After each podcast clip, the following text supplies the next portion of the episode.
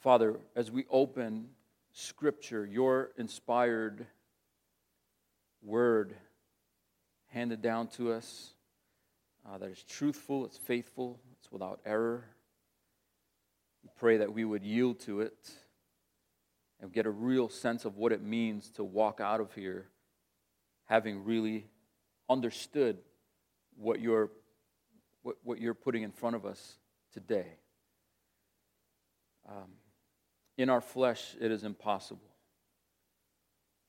to respond rightly to anything you have in Scripture, probably especially today, but by your grace, by your Spirit, through what Jesus accomplished, nothing is impossible for you. So we ask that you would give us the strength uh, that we need. May it start with our minds and hearts being open to what you're saying, and may it result in our hands and feet and mouths following through with what you said. And we ask it in Jesus' name. Amen. If you need a Bible, we do encourage you to turn to Leviticus with us. We're going to be in Leviticus chapter 25.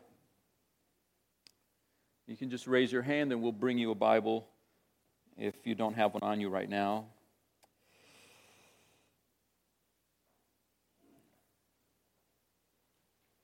God often calls his people to do very difficult things. And they're often only very difficult because we have problems.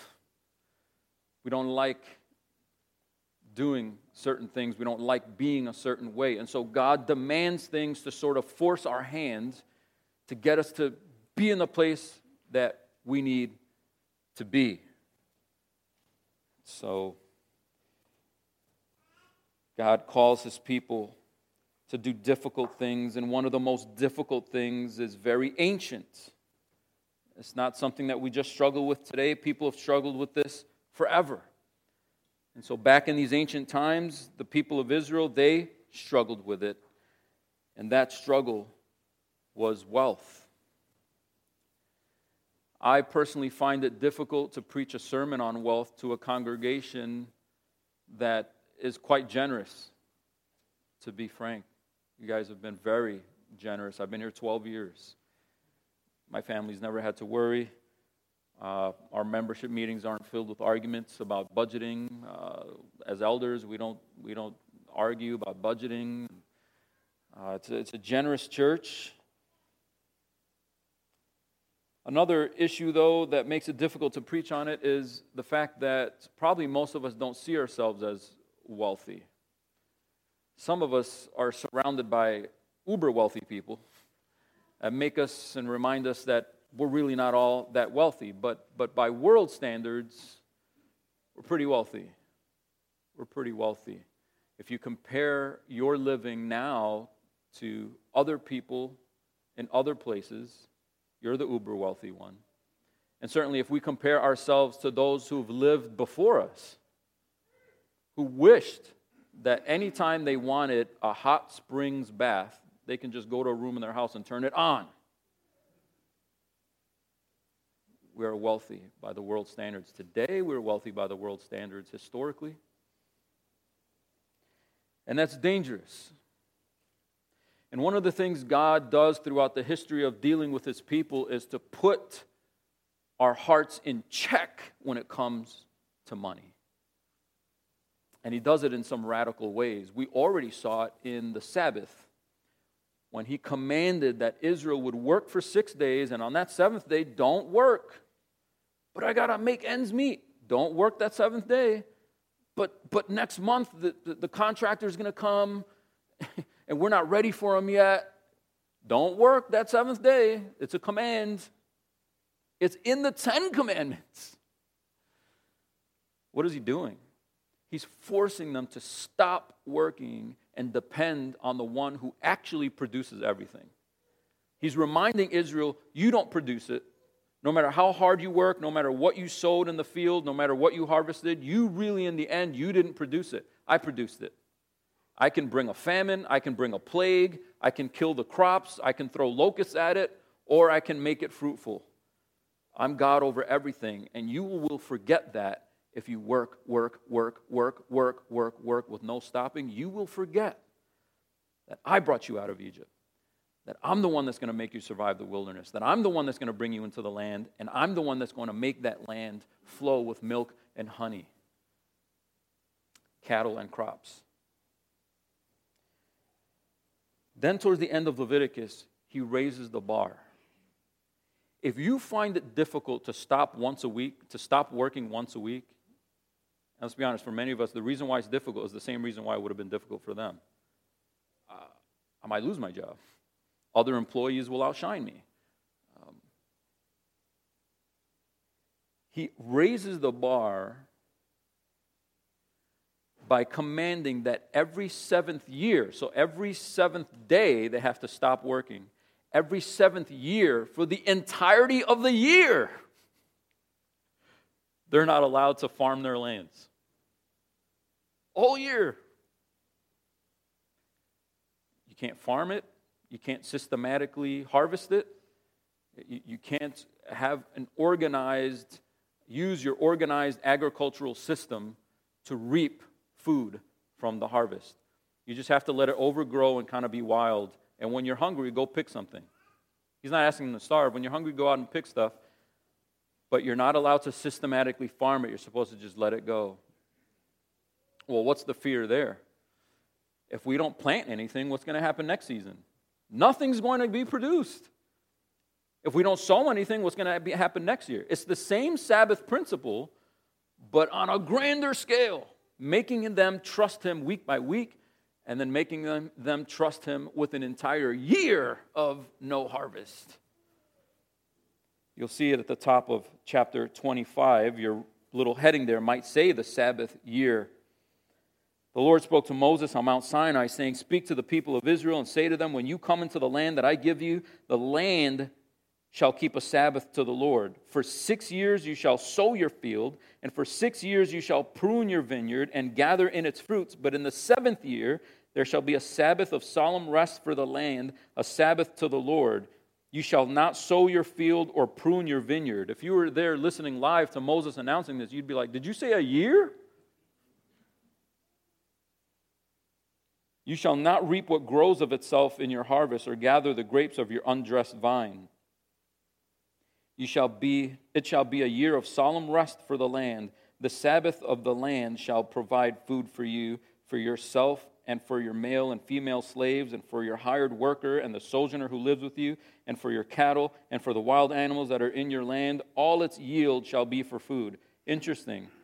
The opposite of what you think would happen is going to happen. You think the Sabbath is going to kill the land. You think a Sabbath, a break from harvest, a break from sowing, a break from reaping, a break from trimming, a break from pruning is going to kill the harvest. And he goes, No, no, the harvest is actually going to supply food not just for you, but for them and for him and for her and for the male slave, the female slave, the sojourner, the worker, the animals, the pets, the cattle.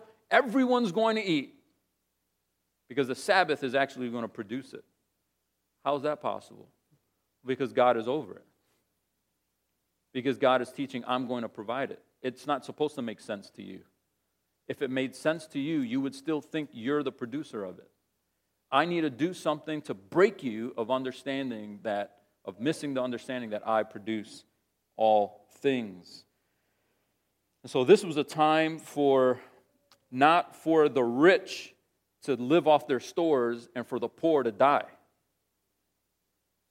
This was not a time where the strongest cattle would survive and the weakest cattle would just die off. There's nothing to eat. It's the opposite everybody gets everything. Everybody gets everything. It's, a, it's the great equalizer every seventh year. The poor can't eat extra, or the, the rich can't eat extra, and the poor aren't looking at crumbs. Everyone is looking at the same thing. They're all going out to the, to the fields and getting whatever's there that I'm going to provide. And so it's all things for all people, everything is available to everyone. And that halt every seventh year stops them from the grind of producing more and reaping more and sowing more and gaining more and storing more and saving more. Stop. I produce it. So the trap of more, the trap of gaining, is rectified by a forced reliance on just God. If a neighboring nation came, like, how do you do that? We, we actually stopped farming for a year, and everyone's eating, everyone's full. It, well, how does that make sense? Uh, Yahweh. how, how, does the pillar of fire, how did the pillar of fire make sense? How did the, the water splitting for us and then caving on the Egyptian armies, how did that make sense? He wants them to, to, to be in a place where the only way they can explain how things are provided to them is that they serve this wonderful, gracious God. Not, well, let me show you my, my plans. Uh, we did a tiered system this year with the plants. No, we actually just stopped planting. Not supposed to make sense. And it frees them from the trap of more. It frees them from the trap of gaining and producing and grinding because that grind would lead to two results. It would lead to people steeped in debt because they can't catch up with the grind. And it would lead to people who press that debt on others because if, if they don't exact that debt from the people that owe them, they'll drown in the grind. So then you've got rich people that are pressing down on the poor people that are in debt so that the rich people can gain more and the poor people will never catch a break and so every seven years, God just equalizes all of it. Then he ups it again in the year of Jubilee. We might think, oh, yeah, that sounds like a year of partying. it's another Sabbath. If you look at verses 5 through 12, he emphasizes uh, not 5 through 12, verse 8, starting in verse 8, the, the year of Jubilee. You shall count seven weeks of years, in other words, seven times seven years, so that the time of the seven weeks of years shall give you 49 years. Then you shall sound the loud trumpet on the tenth day of the seventh month. On the day of atonement, you shall sound the trumpet throughout all your land and you shall consecrate, make holy the fiftieth year, and proclaim liberty throughout the land to all its inhabitants. It shall be a jubilee for you, when each of you shall return to his property, and each of you shall return to his clan. That fiftieth year shall be a jubilee for you. In it you shall neither sow nor reap what grows of itself, nor gather the grapes from the undressed vines, for it is a jubilee. It shall be holy to you you may eat the produce of the field. In other words, just walk out there and grab what's there, but you can't reap it, you can't sow it, you can't prune it, you can't trim it, you can't throw your workers at it. No organized farming. I thought we just did that in the seventh year. I know, but now it's year 50, and you're going to do it again. The year of Jubilee. The word for Jubilee comes from that, that ram's horn that they would use to, to blow that loud trumpet that it's referring to in verse 9. And that blowing of the trumpet would signal this great freedom from work.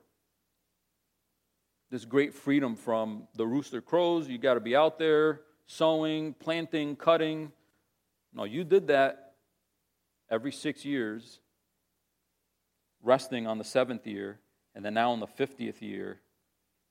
It's a little more because it has to do with the lands and the properties that belong to clans. Look at verse 10 again. And we'll see what this has to do with liberty and freedom. You'll proclaim liberty throughout the land to all its inhabitants. It shall be a jubilee for you when each of you shall return to his property and each of you shall return to his clan in that 50th year. So, what's that about? Well, God uh, gave portions of the land to Israel by tribe and by clan. But over time, certain people might get in debt. And what did you have back then? Your, your asset was your land. And so you can sell a portion of your land to someone else who didn't inherit that land from God, just some other Israelite, and now they get your land. And land is used uh, not for dirt biking and big mud, mud runner courses, it's for crops. That's what you use the land for. So essentially, you're selling shares of crops to get out of debt. After 49 years of that, God hits a big reset button. Bam! And it all goes back to the original allotment. It's like wiping the monopoly board and the original properties that you started with, that's what you're starting with again. So as the game of Monopoly keeps going, somebody's got the railroad, someone got, I don't play Monopoly. I should, I should have prepared for this illustration. So someone's got the orange one, someone's got the green one, I don't know. The little metal hat guy's got everything. And then the guy with the little Toto, he's choking. The guy with the train, you know, the player with the train is like, I'm out, bankrupt, whatever. someone stuck in jail. And then because God feels like it, he's the owner of the game he hits a big reset button, bam, and it doesn't matter what you accumulated. It doesn't matter how much you've lost. It all goes back. Clearing the decks again. So that those in debt escape their debt. And that those that are debtors and massive land property owners, they go back to just being their normal selves. Now, it doesn't mean that those who bought land from others are mean jerks that are just trying to knock down forests and build their condominiums like you see in the movies or something. Somebody is in trouble, and the only way they can get out of trouble is selling the land. So it might have been magnanimous of somebody to, to actually stretch the dollar to buy that land to help, help the neighbor out. So there's nothing wrong with it. And I don't want us to read too much into this about capitalism versus you know, communism or you know, whatever. This is, this is God demonstrating something to Israel to keep them from forgetting that He's the producer of all things. And so every 50th year, it'd be the reset buttons of all reset buttons that He would hit. And it would clear the decks, get everything back to normal so that debtors aren't pressing that debt on those who owe, and that those who owe uh, are relieved from the suffocation of their debt. That was the function of it. That was the kind of the sociological purpose of it, but it taught a deeper lesson that God is the one that provides all things, and that eventually there will be one ram's horn that is blown that eliminates all real debt, that eliminates all work you think about what we talked about last time, the importance of the Sabbath is to remind us that there's an ultimate Sabbath coming that grants us final rest.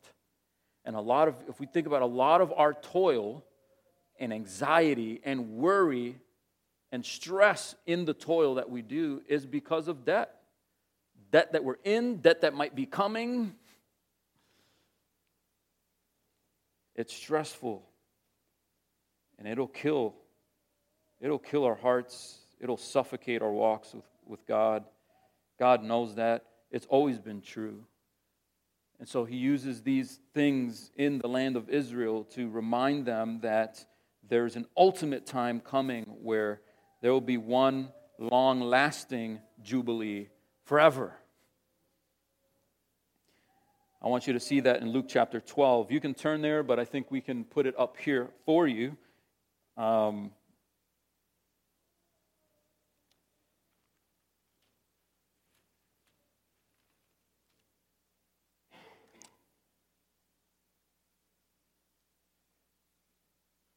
go to the Isaiah one first. Sorry, I'm sorry, Josh. Can we go to the Isaiah one? I'm just testing you today. See how quick your fingers are back there. Okay, Isaiah 61. That's what I wanted. I thought of Luke because in Luke, uh, Jesus quotes this when he walks in the synagogue. He opens the scroll. Everyone's waiting to see what's this dude from Nazareth going to say. And Jesus reads this portion of Isaiah 61. The Spirit of the Lord God is upon me because the Lord has anointed me to bring good news to the poor. He has sent me to bind up the brokenhearted, to proclaim liberty to the captives, and the opening of the prison to those who are bound. To proclaim the year of the Lord's favor and the day of vengeance of our God to comfort all who mourn. Now, Jesus ends it at the year of the Lord's favor and doesn't mention the vengeance part. He reads it up to the point where it says, to proclaim the year of our Lord's favor, and then he sits down. And then everyone's staring at him, and they're just, what was that? And he says, well, today this scripture is fulfilled. Okay. Now, many preachers, and I agree with them, think that the Lord's favor is referring back to Jubilee, because when you see the other things he's talking about, the liberty that comes, the freedom that comes with this year, this year of the Lord's favor, uh, that's the celebration of this freedom that God brings. And Jesus saying, I do that. You know, I, I'm here to do that. And then oddly, they all get excited and they says, But I'm not going to do it for you because you reject me, and then they hate him. Uh, so that, that's what Jesus does with it. Jesus is teaching that I'm the one that brings it. He's going to kind of bring it in a couple phases, right? Eventually, he'll do the, ju- the vengeance part, and eventually, he'll do the full comfort to all who mourn. But it has broken in now. So, in other words, God's people don't just wait until Jesus does it, but God's people recognize because Jesus is going to fully do it, it does have implications for how we interact with each other now, especially concerning how we handle our possessions. So, Jesus Christ fulfilled it in a way that is not just ultimate, but also immediate. It's not just coming, but it's already here. Not in the fullest way that it's going to be, but it's, it's bleeding into the here and now. Two passages quickly to see that is in Acts chapter 2, 44 to 46. Put that here. What, what was the church like when Jesus came, announced that he's the bringer of the ultimate Jubilee, gave them the Holy Spirit so that they're empowered to live the way they're supposed to live, and then ascended? The Holy Spirit came upon them at Pentecost. What was the church like?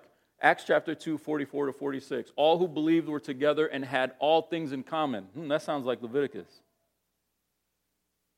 Who, who gets to eat? Everybody. The slave, the worker, the sojourner, the cattle, the dog, the cat, the little bird in the cage. Everyone gets to eat.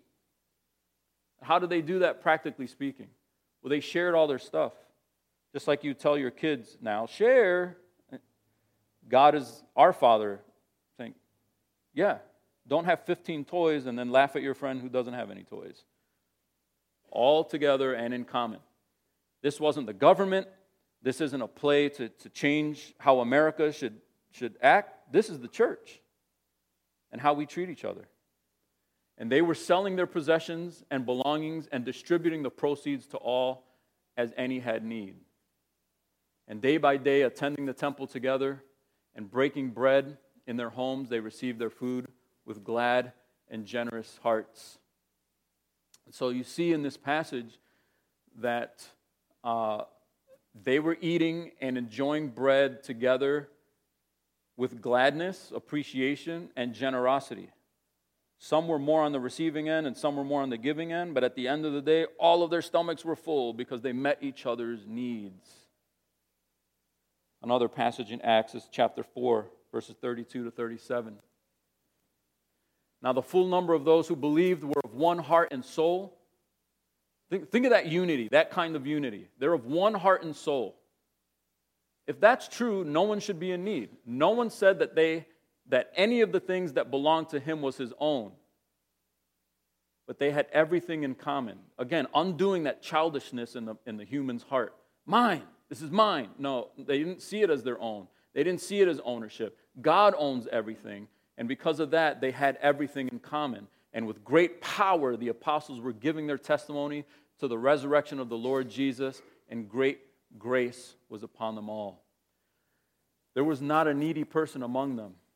For as many as were owners of lands or houses sold them and brought the proceeds of what was sold and laid it at the apostles' feet, and it was distributed to each as any had need.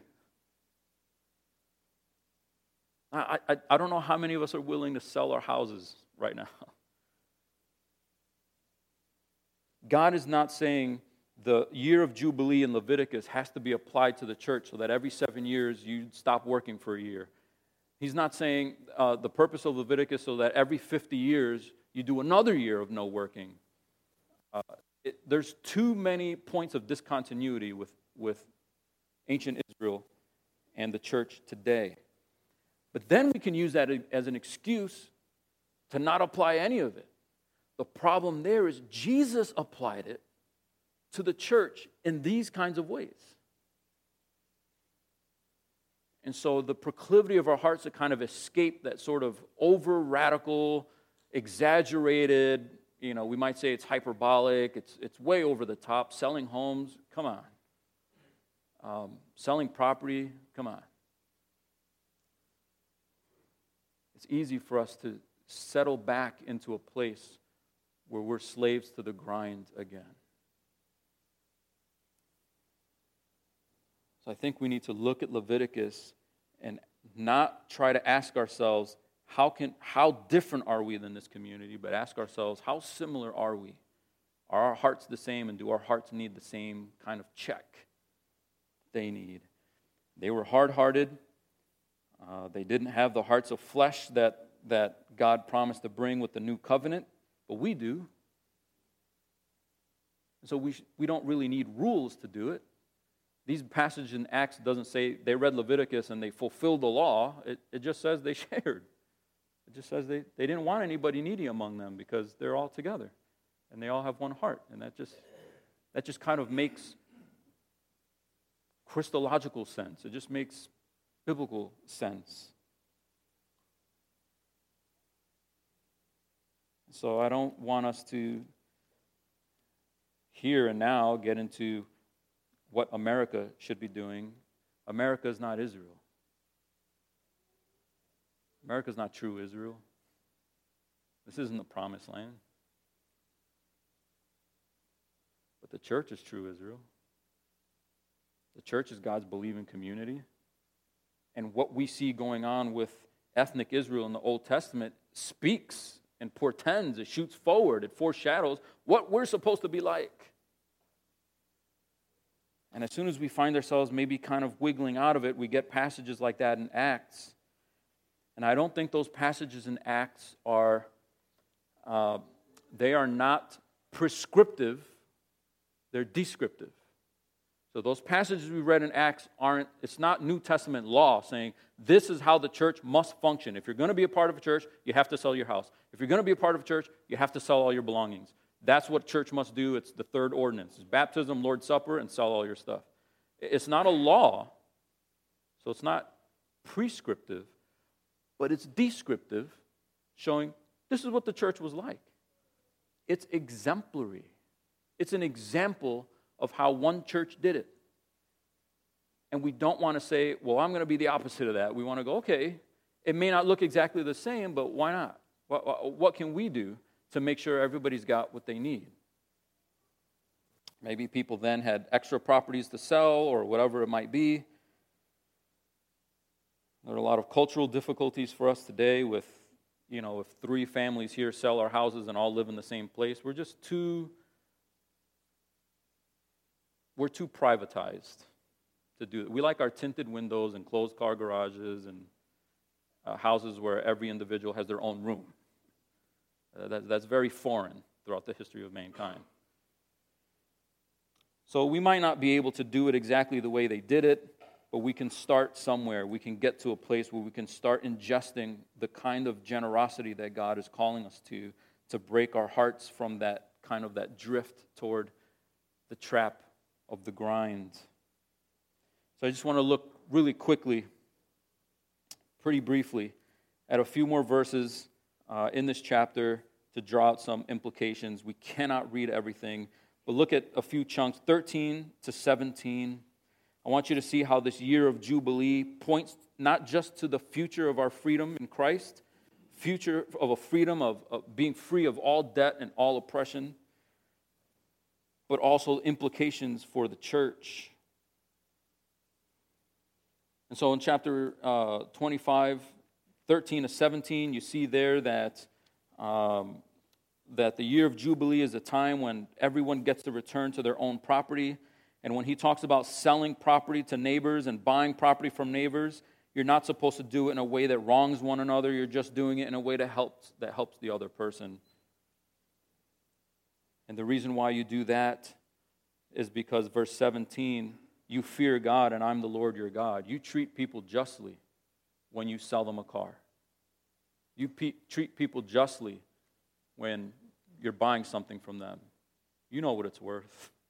You know, he's saying don't, don't rob each other this way. Don't steal from each other this way to try to get ahead, to try to fill your pantry, to try to pad your next vacation. Don't take advantage of the person next to you. Why? Because you fear me, and I'm over everything. I'm the granter of things, I'm the giver of things. I fill your cabinet. I'll take care of you. And then verses 18 to 22. He knows that they're going to worry about this. How am I going to take year 49 completely off, and then I've got to take year 50 completely off? That's insane. How is this going to work? He says in verse 20, If you say, What shall we eat in the seventh year if we may not sow or gather in our crop? See how practical he gets? I know you're thinking. I know what you're thinking. I know how scary that is. What are we supposed to eat if we don't? Listen to the promise. I will command my blessing on you in the sixth year so that it will produce a crop sufficient for three years. Year six is going to be so abundant that it covers you for year six, year seven, and year eight. Because year eight, you're planting again, but it's not there yet. So year six is going to be so awesome, you're covered for three years. What's the point? God is saying, I'm not just asking you to blindly trust. I'm saying, I got you. I got you. Don't worry about it. So never ask, should I cheat this person or not, based on what's tomorrow look like. Be as generous as you possibly can with others because you don't care what tomorrow looks like. Someone else is taking care of that. We see that in Luke chapter 12. God has asked his people to trust him one week, one day out of the week, one year out of every seven, and then one fiftieth year. You remember what Jesus taught in this passage? I know we're doing a lot of New Testament crossover. I just think it's super important, or we'll just leave Leviticus to collect dust. He said to his disciples, Therefore I tell you, do not be anxious about your life, what you will eat nor about your body what you will put on, for life is more than food, and the body more than clothing. Consider the ravens, they neither sow nor reap, they have neither storehouse nor barn, and yet God feeds them. Of how much more value are you than the birds? And which of you, by being anxious, can add a single hour to his span of life? If then you are not able to do as small a thing as that, why are you anxious about the rest? Consider the lilies, how they grow. They neither toil nor spin. He's like, the lilies don't work right? But I tell you, even Solomon in all his glory was not arrayed like one of these. But if God so clothed the grass, which is alive in the field today and tomorrow is thrown into the oven, how much more will he clothe you, O you of little faith? And do not seek what you are to eat and what you are to drink, nor be worried. For all the nations of the world seek after these things, and your Father knows that you need them. Instead, Seek his kingdom, and these things will be added to you. Fear not, little flock, for it is your Father's good pleasure to give you the kingdom. Sell your possessions and give to the needy. Provide yourselves with money bags that do not grow old, with a treasure in, in the heavens that does not fail, where no thief approaches and no moth destroys. For where your treasure is, there, your, there will your heart be also. Let's go back one slide so you can see that, that last portion there. You see three things he's telling them to do here don't fear, sell your possessions, give to the needy. Why wouldn't we sell our stuff and why wouldn't we give? Well, because we're afraid, and he knows it. That's why he's attacking anxiety, he's attacking worry, he's attacking the fear not the fear that we should have of the Lord, but the fear that we have of finances, that money trap, that money grind that we're stuck in. It's driven by fear fear of making ends meet. When what God is, what Jesus is saying in this passage is, well, actually, I make ends meet. He's not saying quit your job. He's not saying, you know, play Nintendo all day. Don't do anything.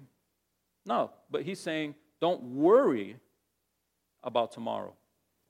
Maybe your job, your boss does pull you in and fire you. Maybe a, an intern shows that he's really got the good stuff, and the company decides they're going to go with the younger, cheaper version of your former self. Are you going to starve? Are you going to someday go to your closet and go, oh, I thought I had clothes? No. A, because God promises to cover your needs and B, because the mechanism through which God promises it is the church.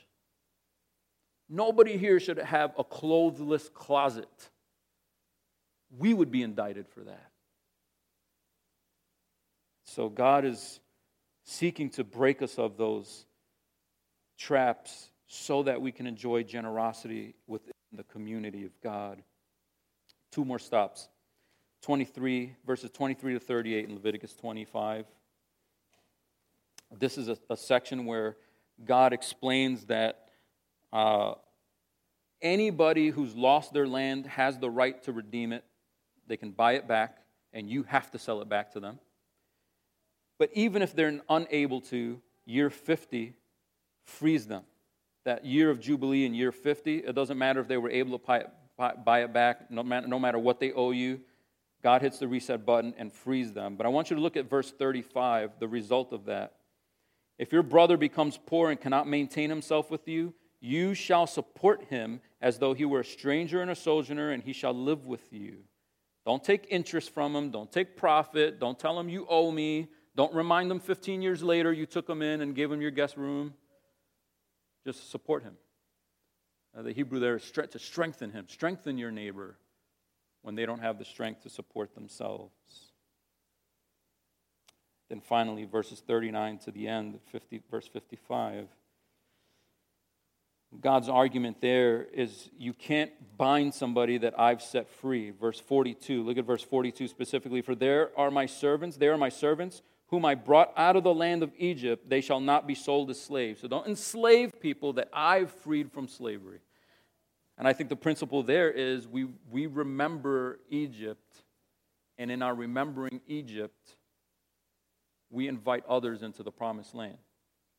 Right? We, we don't act like we weren't in Egypt and then we treat others like slaves. We treat others like indentured servants as if we didn't experience freedom ourselves. We remember the gospel to share the gospel.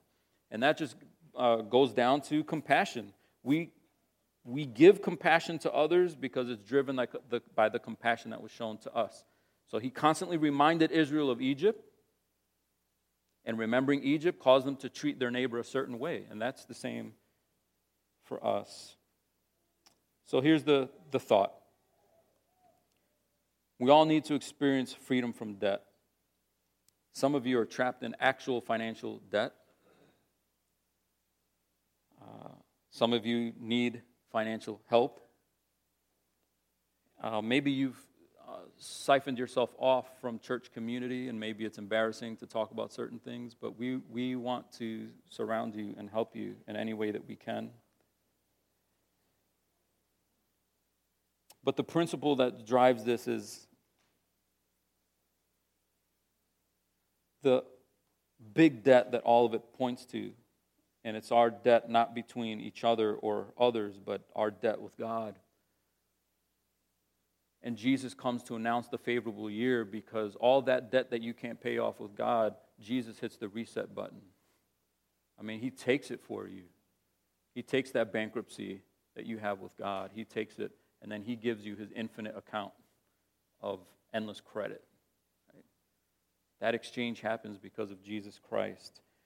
And so, because we've experienced a great freedom from debt, we are then called to show mercy to others around us, especially, especially inside the church. But it also trickles down into actual finances, real numbers and dimes and nickels and pennies, like actual help. Not just mercy in terms of pity, but mercy in terms of actually helping one another. So I, I think we have a community where this doesn't land as a rebuke, but it lands as a reminder I don't think we have a community here as a church where this, this lands as a big spanking, but instead as a, as, a, as a big thank you, and to say, let's continue to be that kind of church, um, especially toward one another's needs. And it needs to be driven by our recalling the gospel.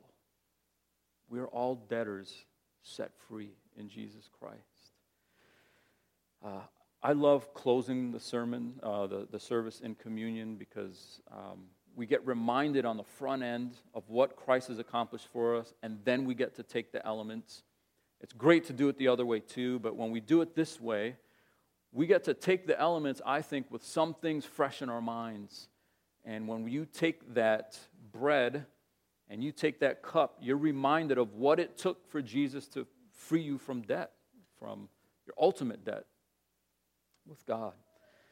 If you are a believer, uh, you've professed Christ, you've given your life to Jesus, you understand the gospel, you follow it. This isn't about whether you attend church or not. This is about whether you have a personal commitment to walk with Jesus Christ. You've been baptized and you're a follower. Uh, even if you're not a member here, we do encourage you to take. Uh, if you're still on the outside, we encourage you not to take just to kind of fit in.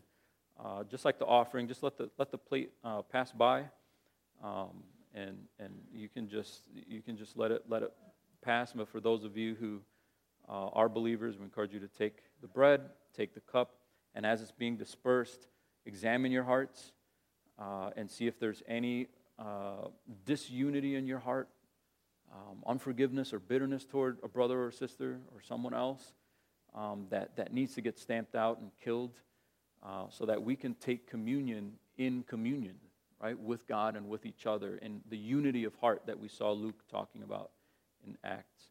I want to ask the ushers to come forward and, and Dave to, to come and play for us.